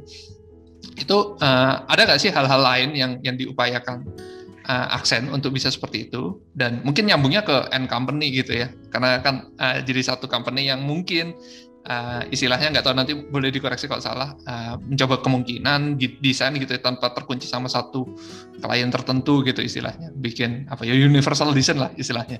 Itu gimana uh, ceritanya? Nah ini ini salah satu salah satu temuan gue ya waktu gue kuliah bahwa dari 100% bangunan yang ada di dunia 98% dibuat bukan oleh arsitek. Nah, percaya nggak? Percaya nggak lo? percaya percaya Jadi arsitek hanya mendesain 2%. Dengan sesuatu yang mungkin budget lebih banyak, waktunya lebih banyak, eh, mungkin klien yang juga seniman juga kali gitu. Hmm, hmm. 90 persennya 98 persen dibikin sama siapa? Ya bukan arsitek, macam-macam Hmm. gitu. Eh, dan ini juga jadi jawab eh, ini adalah salah Amular ini adalah satu prototipe bahwa Ya. mungkin nggak sih bahwa arsitektur itu adalah produk. Hmm, hmm. Mungkin gua ngomong gini pasti dikritik, Ya. tapi ya ini adalah kenyataan gitu. Hmm. Bagaimana kita menjadi kan gua gua mundur nih ya. Hmm. Apa sih tujuan manusia diciptakan dunia gitu? Hmm, Tujuan cuma satu, mema- memakmurkan bumi gitu. hmm. Dengan cara apa? Tiga cara. Satu, kebaikan. Dua, kebenaran. Yang ketiga, keindahan. Sampai kapan kita selalu berpikir bahwa arsitek adalah pencipta keindahan? Enggak, gitu. Kita tuh harus ya. itu jangan terlalu terjebak dengan 2% tadi bahwa Ya. bangunan harus indah gitu. menarik menarik. Wah, enggak sih kalau menurut gue gitu. Hmm. Agakannya agakannya membangun kalau menurut gue bagus dan jelek, mungkin banyak yang bilang jelek gitu. Tapi coba lihat dari fungsi Konteksnya. Hmm. dan utilitas dan kontekstual luar biasa luar biasa bagus banget kalau menurut gua. Ketika lu memahami apa sih yang sebenarnya dia kerjakan gitu beliau Mhm. kerjakan. Luar biasa gitu. Jadi ya em, ya itu balik lagi ya. Soal kritik gua mah sok aja lah kritik aja gitu. Tapi ini yang terjadi teman-teman gitu. Bagaimana arsitek memecahkan permasalahan em, mungkin bukan yang hanya di kota-kota besar gitu. Hmm. Banyak juga yang komp- komplain banyak yang komen gitu. Kenapa sih lu selalu ngomongin bangunan yang landed house gitu? Padahal sekarang udah vertikal gitu. Vertical karena lu di kota gitu. Hmm. coba lu datang ke misalnya ke Indonesia Timur yang masih mikirin bahwa semen satu sak satu juta gitu. Tukang misalnya masih imper gua ke Makassar gitu ya. Eh, ah saya nggak mau mas. Kliennya saya nggak mau tukang dari Makassar saya dari Jawa. Lah Hmm. kenapa gitu? Toh tukang-tukang di Toraja bagus-bagus banget. Iya itu Hmm. dulu sekarang beda lagi gitu. Jadi sebenarnya kecemasan-kecemasan ini yang sebenarnya gua selalu gua selalu eh, apa namanya hmm, gua selalu pikirin sebelum tidur gitu ya. Kalau kata hmm. Simon Sinek mah find your why. Nah, iya. jadi dalam aja jadi filosofis. Menarik sih yang, di, yang disampaikan tadi itu fakta-fakta yang mungkin kita lakukan sehari-hari tapi nggak sadar gitu. Termasuk uh, mengedepankan aspek venusitas gitu ya baru-baru pokoknya dikejar tuh cantik gitu bukan sesuatu yang berfungsi sesuatu yang relevan gitu. Dan itu yang diupayakan lewat amular tadi. Uh, akan banyak kritik tentunya ya yang seperti yang dikatakan Mas Yo tadi. Uh, termasuk uh, bagaimana sebuah bangunan itu akan sangat harusnya kawin nama site-nya gitu ya. Sedangkan amular ini kan suatu pemikiran yang mungkin ya murah terus mudah dibuild segala macam tapi agak terkunci di kontekstual lahannya gitu istilahnya. Mungkin hmm. nggak bisa cukup fleksibel ya arah bukaannya hmm. dan segala macamnya. Kalau ternyata sisi baratnya itu yang kena kacanya, apakah yeah, di flip yeah. dan lain sebagainya gitu. Uh, ini kan sebagai sebuah apa ya, sebuah pemikiran yang kemudian ya udah dicoba dulu aja. Siapa tahu kan memang uh, akan ada yang cocok juga, bisa juga gitu sebetulnya.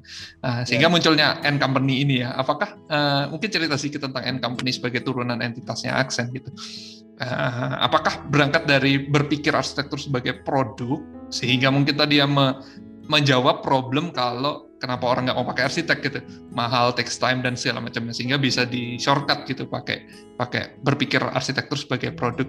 Atau uh, ada value lain yang dikejar end company sehingga harus terpisah gitu sama aksen. Kalau N sebenarnya lebih ke research sih bukan selalu amular. Kalau amular itu adalah produknya. Produknya uh, hmm Amular ini sebenarnya adalah salah satu kritik keras kita terhadap Rumnas gitu yang dari tahun ini adalah satu produk RSSSSS yang tidak berubah-ubah, yang gitu-gitu aja. Gitu. Dua kamar, satu kamar mandi, satu ruang bersama gitu ya. Selalu nah, rumusnya. enam selalu gitu kan. Ya. Nya satu. Gitu. Mm. Pertanyaannya, apakah enak tinggal di tempat yang seperti itu? Jawabannya tidak sama sekali. Pasti. Dan itu, itu kepepet kan biasanya.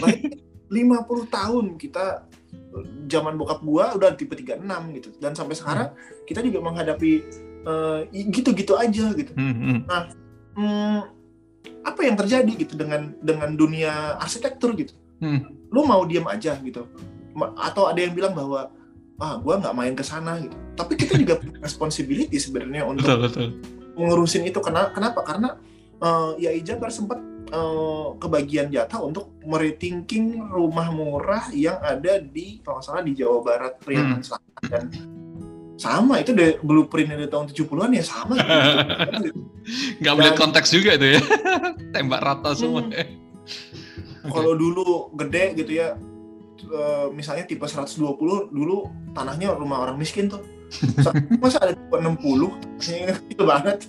Cuma berubah di lahan aja gitu. Padahal hmm. sebenarnya kalau menurut gue lebih banyak hal yang lebih lebih bisa dipikirin sih gitu dan um, uh, ya gue bisa bilang bahwa uh, benchmark gue ya kayak Oma dan Amo sih hmm. Oma biro arsitekturnya Amo tuh uh, apa namanya biro think tanknya lah gitu hmm. untuk memikirkan rethinking segala sesuatu hmm. reinventing juga ya uh, memikirkan kembali yang sebenarnya itu hal basic tapi entah kenapa ada celah-celah yang belum terjawab gitu istilahnya ya. Uh, sehingga bisa dipikirkan lebih jauh gitu. Uh, positioningnya sekarang gimana mas? Sama aksen and company ini? Maksudnya konsentrasinya mas Jo sendiri tim dan segala macam itu baginya apakah 50-50 gitu atau kayak gimana? Karena sudah ada proyek yang berjalan ya bisa dibilang ini ada dua perusahaan yang berbeda gitu. ah oke okay. um, apa ya? Cuma pada saat pada awal kita memang pakai desainernya si aksen tapi sekarang ketika sudah berpisah ya ya sudah jalan sendiri sendiri. Tapi apakah ada kemungkinan crossing lagi gitu? Karena mungkin tadi ya amular tapi butuh penyesuaian berarti aksennya gerak lagi atau ya, aksen ya, problemnya bisa jadi, modular. bisa jadi uh, N arsiteknya sama Mas uh, Mas Reddy kayaknya. kan itu kemungkinan. Uh, siap, bisa aja gitu. Jadi nanti bikin amular versinya Mas Reddy. Tapi pola pikirnya ya sebenarnya yang diupayakan ya. Nah, pola pikir hmm. modular, pola pikir adaptif bisa berkembangnya itu. Walaupun ya, nanti bentuknya macam-macam. organisasi bahwa wah harus didesain sama aksen enggak kok enggak. Hmm. Uh, bisa banget. Oke, okay, mungkin nah, masuk bagian juga. masuk bagian-bagian akhir dari obrolan ini gitu, Mas uh, Jo. Um, mau ngobrolin seputar mungkin ya terkait um, entrepreneurship tadi secara lebih dalam gitu ya. Tadi yang dibilangin pincang salah satunya adalah finance gitu atau financial literacy gitu yang uh, sedikit banyak kita tuh agak finance lemah gitu ya di situ gitu. Karena mungkin uh, sekolah arsitektur nggak pernah mengajarkan itu tentu gitu. Uh, program profesi rasanya sedikit gitu ya tentang proyeknya uh, keuangan proyek gitu. Nggak pernah berpikir tentang keuangan kantornya gitu. Yang mungkin yang bisa survive adalah yang sudah bermentor di kantor-kantor sebelumnya ya. Entah bertahun-tahun di kantor senior gitu kita tahu pola kerjanya sehingga kita bisa survive. Tapi kebanyakan yang buka-buka sendiri itu akhirnya nggak nggak bisa survive lama gitu. Karena ya itu nggak tahu gimana caranya uh, membuat ini sustain gitu istilahnya dari segi keuangan. Ya, hmm. tadi sempat disinggung juga ini kayaknya hal yang uh, rasanya jarang orang bahas gitu karena mungkin sensitif dan seterusnya. Nah, kalau menurut Mas Yu sendiri yang sudah berpraktek dengan aksen ya uh, kurang lebih berarti udah hampir tiga tahun gitu. Hmm. Uh, adakah kendala dari segi finansial? Karena tadi sudah punya wawasan yang cukup istilahnya ya karena ditambahin sama sekolah bisnis gitu. Ataukah sebenarnya ada hal-hal yang sebenarnya udah ketemu nih jawabannya caranya tuh gini gitu supaya biro desain ini? Antara kutip bisa survive karena yang dijual sebenarnya itu tadi kan jasa dan kepercayaan yang susah diukur gitu istilahnya. Nggak kayak nah, jualan barang gitu. yang perlu gue luruskan bahwa finansial literasi itu tidak diajarkan di sekolah mana pun jadi ketika gue S2 pun ternyata gue tidak menemukan jawaban gue. Oh, Oke. Okay. Gak ada itu. bagaimana cara KPR bangunan gitu tidak ada. Bagaimana bagaimana tidak memecat pegawai lu ketika lagi turun gitu ya. Ketahuan mencuri uang itu nggak ada. bagaimana memforecast keuangan dengan hmm. masa pandemi nggak nggak ada. Okay, itu okay. sama sekali tidak ada dan uh, bisa dibilang sebenarnya ya gue kecelek gitu. Hmm. Oh ternyata apa yang gue takutkan itu bukan dipecahkan dari sekolah, tapi dari networking gitu. Hmm. Jadi buat apa sih kita sekolah gitu? Ada tiga kan? Yeah. KSA, knowledge, skill, attitude gitu. Um, yang keempat networking. Mm-mm. Itu yang paling penting kalau menurut gue gitu. Uh, di luar itu segala sebenarnya ya sekarang kalau menurut gue banyak ya untuk menjadi MBA secara online gitu ya hmm. dengan course yang biasa-biasa aja. Tapi ya kalau menurut gua yang kurang itu adalah networkingnya gitu. Untungnya kita generasi sekolah offline itu adalah kita bisa merasakan emosi gitu ya. Hmm. berkenalan lebih lebih jauh lebih banyak dengan teman-teman kita dan um, apa ya ya karena mungkin gue memulai bernetworking arsitektur semenjak zaman kuliah. Yang paling penting dari kuliah di Unpar itu adalah bukan kurikulumnya, tapi teman-temannya gitu. Mm, benar. Kenapa? Karena Unpar kelihatan katanya paling bagus Asia Tenggara, tapi tidak ada lab komputer sampai sekarang ya. Itu gue buat Unpar. Mana ada?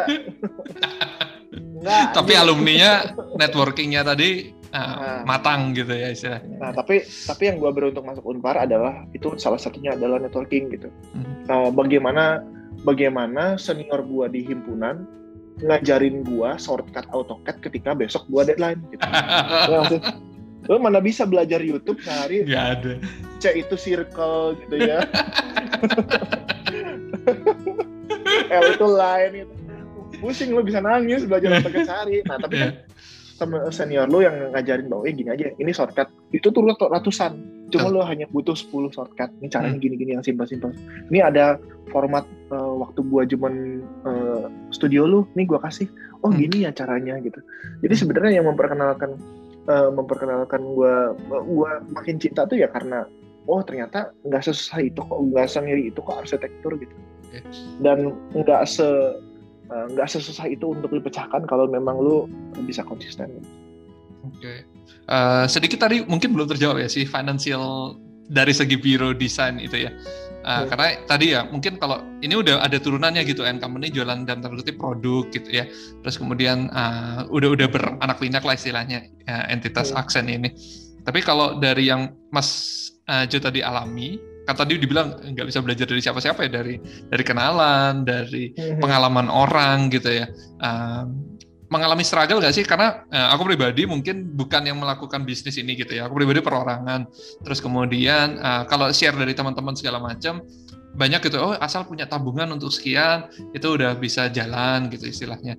Ada juga yang dengan pola uh, associates gitu ya uh, bagi keuntungan dan kawan-kawannya mungkin ngobrol sedikit yang nggak kaitan sama desain tapi relate ke biro gitu ya hmm. uh, tentang keuangan itu sendiri. Uh, kalau dari pengetahuan atau pemahamannya Mas Jo sendiri, seperti apa sih sebenarnya pola bisnis uh, yang sehat dalam tanda kutip untuk sebuah biro desain yang murni desain ya, yang uh, yang nggak ngutik-ngutik hal yang lain gitu istilahnya. Oke, okay. nah gue gua kasih turunan dulu apa itu finance. Okay. Finance itu adalah membaca masa depan. Hmm. Jadi bedanya mungkin buat teman-teman yang belum tahu, finance dan akuntan itu beda. Yeah. Jadi akuntan itu merekap ya sudah selalu gue, ya. Gue jualan HP. Nah, hmm. akuntansi adalah merekap penjualan dua bulan kemarin. Gitu. Hmm. Dia membaca grafik hmm. uh, year on year gitu ya, hmm. lima tahun terakhir gimana, 10 tahun terakhir gimana. Jadi membaca data, hmm. membaca data. Kalau finance meramal data. Hmm. Jadi ketika finansial literasi adalah pengertiannya adalah bagaimana meramal masa depan gitu. Hmm. Gimana caranya? Okay. Ya kita harus paham dulu, kita empati dulu terhadap apa yang kita kerjakan sekarang gitu. Hmm. Hmm. Mungkin ini samanya dengan Biro Arsitektur tahun 1920 ketika flu Spanyol terjadi gitu. Hmm. Ya kita pelajari bahwa tahun 1920 tahu apa yang terjadi gitu. Hmm. Oh, ada perang udah sama ada perang dunia. udah senang gitu ya, eh udah mau senang gitu, eh ternyata ada flu Spanyol gitu. Hmm. Nah, tapi ketika orang di rumah aja gitu ya, orang banyak riset, banyak baca, banyak belajar gitu ya. Ternyata tercipta satu gaya arsitektur baru namanya Art Deco. Gitu. Hmm. Kalau di musik ada musik jazz gitu itu namanya zaman zaman keemasannya pada saat hmm. itu karena banyak keterbatasan terus tiba-tiba orang keluar gitu ya wah gue tahu gue harus ngapain gitu ya. Hmm. gue mau mau bermusik gue mau bikin arsitektur mau bikin apa pun kesenian hmm. teater hmm. gitu ya um, namanya tuh Roaring Twenties gitu hmm. pertanyaannya apakah ada the next Roaring Twenties uh, di di sesudah uh, zaman seperti ini dan apakah tercipta jawa, uh, gaya baru bisa jadi hmm. atau malah orang makin makin makin baik kehidupannya karena pandemi adalah salah satu jentikan Thanos supaya orang makin sayang terhadap lingkungan gitu ya. tidak boleh lagi boros-boros ya. energi gitu ya dan hmm. mungkin pandemi ini udah ada di timelinenya dunia gitu kalau kita ngomongin masa uh, masa masa ratusan tahun gitu cuma hmm. sekarang bedanya ujian ini tuh makin pendek. Kalau zaman hmm. dulu 500 tahun sekali, 300 tahun sekali, 100 tahun sekali pendek. gitu. Ya. Mungkin nanti 20 tahun lagi kalau kita nggak sayang lingkungan ya bisa terjadi. Gitu. Ada efeknya lagi. Ya. Eh, kalau misalnya lu tanya kompetisi sehebat apa pun apa yang harus dilakukan sekarang gitu nggak ada strategi jangka panjang mas di kalau umur hmm. sekarang gitu yang sekarang gua harus lakukan adalah ya memperbaiki tim internal gua hmm. gimana caranya supaya memecahkan permasalahan lingkungan gua secara baik dan uh, cepat aja gitu dengan cara lebih simpel gitu. Okay. Jadi operation wise-nya harus lebih baik gitu ya. Secara HR harus lebih compact gitu dengan memanfaatkan teknologi, teknologi. dengan BIM, dengan Revit gitu ya. Yeah. Um, Uh, jadi kalau misalnya kita ngomongin finansial literasi ya tadi berarti sekarang kita mode mode efektif aja dulu gitu safe mode gitu hmm. karena kita tidak tahu ini ppkm diperpanjangnya berapa minggu lagi berapa bulan lagi Mau Muldoko sama Jokowi yang tahu. Gue kagak tahu.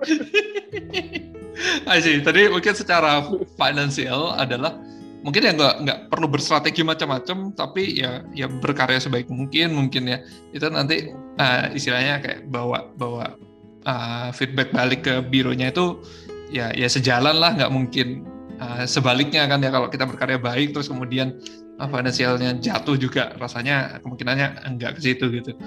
Nah, iya, iya. satu iya. poin lagi ya, tadi. gue sih berpikir ya how to make money and save the world lah. Uh, biar seimbang aja. Jadi nggak murni profit tapi ada sumbangsi responsibility-nya tadi ya ke ke dunia tadi. Yang penasaran satu lagi mas uh, tentang uh, personelnya gitu mungkin ya karena tadi uh, empat elemennya uh, sebuah biro tadi kan finance marketing salah satunya adalah tentang uh, human resources gitu yang hmm. tim ini kan sebenarnya nggak bisa kita prediksi gitu ya istilahnya uh, di hmm. awal mungkin performanya baik tapi suatu saat mungkin dia dia harus uh, dewasa dan lepas sendiri mungkin terus kemudian ada juga yang mungkin sudah terlanjur masuk karena impresi di awal seperti ini tapi ternyata enggak tadi sempat Mas Jo singgung juga nggak pernah diajarin tuh caranya gimana kalau ternyata ada tim yang dalam tanda kutip curang uh, kita harus seperti apa gitu Uh, boleh di sharing mas uh, pemikirannya tentang yang ini? Uh, tentang HRD ya? Hmm, tentang manajemen person ya, uh, resourcesnya, uh, human resources lah istilahnya. Oh, ini sebenarnya ya baik lagi karena kita kerja kelompok gitu ya. Hmm. Hmm. Cocok-cocokan sih. Banyak hmm. orang juga yang skillnya bagus, nggak cocok di absen. ada juga orang yang kita percaya bahwa dia skillnya udah oke okay, ternyata nggak oke okay, tapi dia mau belajar nggak hmm. masalah ya kayak kita main bola aja gitu cocok-cocokan gitu kita anggaplah tim bola 11 gitu ya jodoh, jodoh. kita bagi-bagi bagi-bagi bagi-bagi peran aja yang jadi hmm. kiper hmm. ada yang jadi apa oh ternyata dia pakai doping ya mau gimana ngomong itu kan hukum gitu ya ya sebenarnya kalau menurut gue sebenarnya leadership di pandemi ini benar-benar diuji sih karena yeah. um, project kita jadi makin sedikit um, terus projectnya juga mungkin kita nggak bisa banyak milih gitu mm -hmm. uh, yang terjadi ya kalau kita klub bola ya kita uh, kita membaca ulang gitu eh kiper kayaknya kalau misalnya gua tendang kelemahan lu tuh di sebelah kiri nih mm. kalau tendang ke kiri ya. lebih banyak golnya gitu mm. uh, lebih ke apa namanya lebih ke internal sih kalau uh, menurut gua ya lebih, gitu. Ya. lebih memperbaiki uh, lebih memperbaiki si performa tim jadi sebenarnya lebih banyak refleksi sih ya selama uh -huh. pandemi dan udah nggak kerasa udah hampir dua tahun ya pandemi itu. benar benar benar benar. Um, ya jadi sebenarnya jalan-jalan gue mah. ini kan jalan-jalan. iya, gue juga sekarang udah udah udah nggak ketemu tim tuh dua bulan. Oh. Lu bayangin, berarti kan harus ada harus ada diciptakan lagi bagaimana corporate culture ketika kita semua online gitu. Hmm, hmm. Ada nggak di kuliah? Ada. Nggak ada. nggak ada yang bisa memprediksi ini juga ya jadi nah, ya paling bisa ya survive memang sendiri kita di kantor sebenarnya corporate culture-nya salah satu pernya adalah agile agile agility jadi hmm. kelincahan jadi ketika ada sesuatu yang berubah ya cepat ya berarti gitu kita ya. harus ambil tangkap ya uh, ambil ambil cepat aja gitu minggu hmm. pertama mungkin ada masalah di zoomnya ada yang pakai IndiHome hmm, ini mulu nih kerjaannya molor mulu gitu ya ya cuma ya nggak apa-apa lah um, kalau menurut kita sebenarnya kita belajar aja bareng-bareng lah. Ya. Yang gini-gini mah siapa sih yang mau gitu pandemi terjadi gitu. Persis. Berarti balik ke kelompok belajar itu tadi ya semangatnya ya. Uh, nggak cuma company uh, profit oriented, tapi juga ada pembelajaran yang bisa di, dilakukan bersama lah. Kalau mimpi mas ini uh, ada nggak sih yang sebenarnya ini kayaknya udah cerita macam-macam ya tentang kreatif.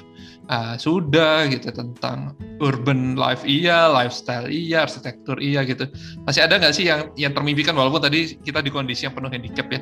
Uh, ini ini mimpinya aksen nih tapi masih dalam proses atau masih ingin divisikan beberapa tahun lagi harusnya bisa tercapai gitu misalkan um, ya kalau kita ngomongin mimpi yang paling dekat pengen jalan-jalan satu ya pengen pandemi cepat berakhir supaya amin, amin. ya karena karena kenapa karena belajar arsitektur itu adalah belajar memahami ruang hmm. belajar Rasakan, be ya. belajar merasakan sesuatu kita tuh kan sebenarnya gue bisa bilang bahwa katakanlah kalau kita main ke Candi Borobudur gitu ya, hmm. uh, itu kan five senses kita berguna ya nggak sih? Penciuman mata, berasa, kita pegang teksturnya uh, gitu. Uh, uh. Kalau cuma dari Google kan cuma mata doang. Aduh, udah udah dua tahun nih gue nggak nggak apa-apa gitu.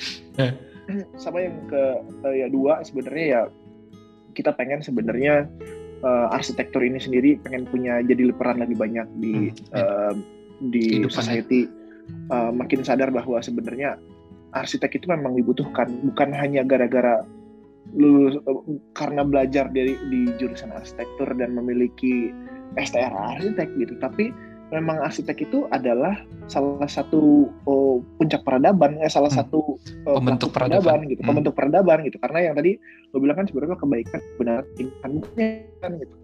Uh, oh, arsitektur adalah salah satu uh, sandang pangan papan gitu dan dengan arsitektur kita bisa jadi hidup lebih baik dan orang uh, gue berharap masing-masing arsitek di Indonesia sebenarnya sadar bahwa ya kita bisa memperbaiki kehidupan dari ya mungkin dari kantor kita yang kecil kayak gua ini sendiri gitu. Hmm. Ketika kita uh, misalnya Mas Redi bulan depan jadi lima orang, jadi sepuluh hmm. orang gitu, gua jadi sepuluh orang, berarti kan akan ada sepuluh kayak orang kayak gua dan sepuluh orang kayak Mas Redi gitu ya. Sevisi sama gitu ya.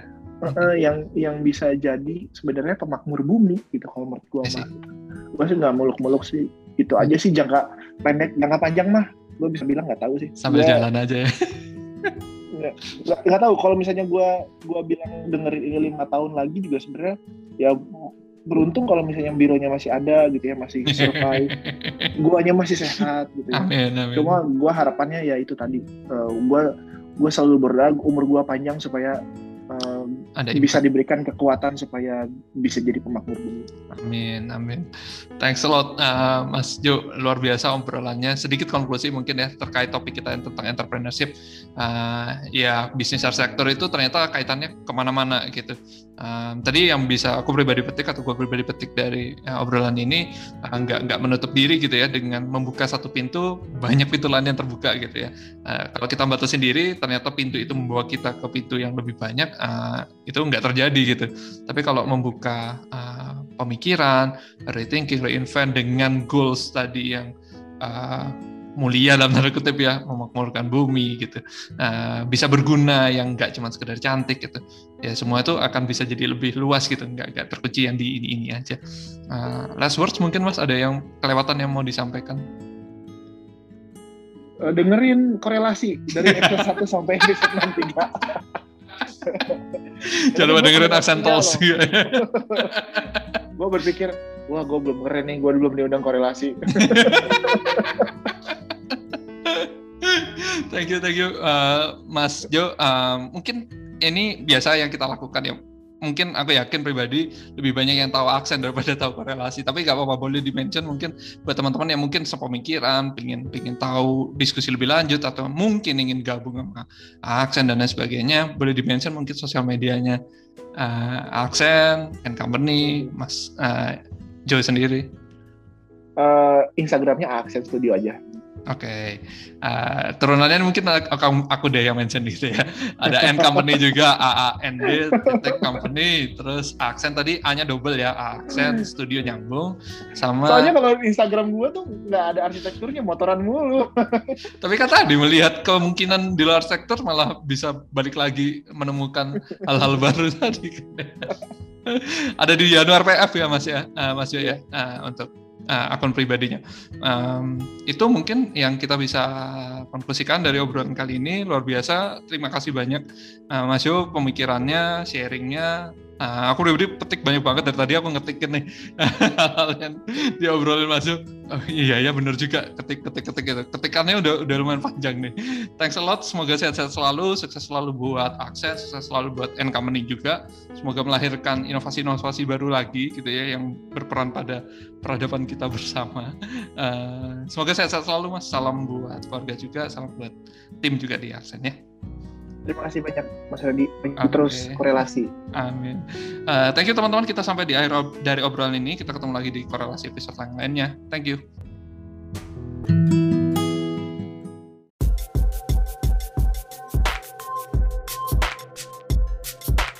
Thank you for listening.